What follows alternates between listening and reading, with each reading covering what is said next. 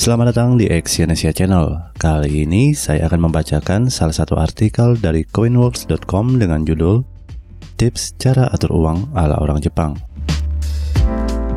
Banyak yang beranggapan bahwa tinggal di negara maju pasti membuat masyarakatnya memiliki sifat konsumtif yang tinggi. Namun nyatanya tidak demikian dengan masyarakat Jepang. Sikap kerja keras dan disiplin tinggi yang terkenal dari masyarakat Jepang adalah salah satu dasar mengapa mereka bisa mengatur segalanya dengan baik, termasuk soal keuangan.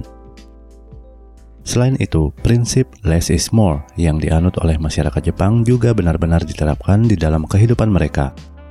Berbeda dengan masyarakat di negara maju lainnya, orang Jepang justru bisa menahan diri untuk tidak membeli barang-barang di luar kebutuhan Nah, berikut ini adalah trik-trik yang dipakai orang Jepang dalam mengatur keuangan di kehidupan sehari-harinya.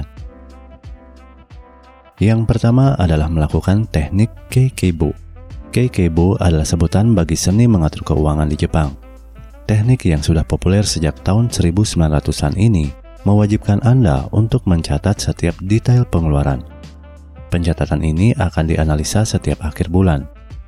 Karena teknik Keikeibo ini orang-orang Jepang dapat menghemat pengeluarannya secara signifikan.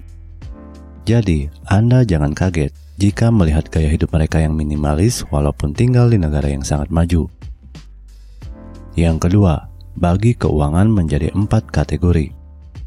Membahas kekebo lebih jauh, Anda bisa membagikan keuangan Anda ke dalam empat kategori. Pertama, pengeluaran sehari-hari seperti makan atau biaya transportasi. Yang kedua, pengeluaran sekunder seperti membeli pakaian atau hangout.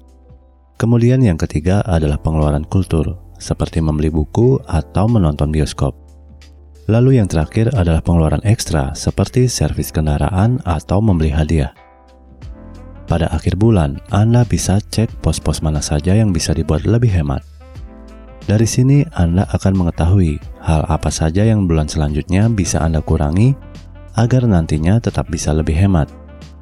Yang ketiga, berpikir matang sebelum belanja. Teknik Kekebo bisa Anda aplikasikan dengan sempurna jika Anda sudah memiliki pemikiran yang matang terhadap keputusan Anda saat akan berbelanja. Memang godaan belanja akan selalu ada, apalagi jika melihat diskon. Tapi ingat, menahan nafsu untuk melakukan pengeluaran adalah landasan awal dari Kekebo. Yang keempat, wajib menabung dan investasi. Hal penting lain yang harus Anda jalani adalah untuk menerapkan teknik kekebo adalah dengan menabung atau berinvestasi. Jangan pikirkan nominal tabungan Anda, tapi pikirkanlah konsistensi Anda untuk menabung.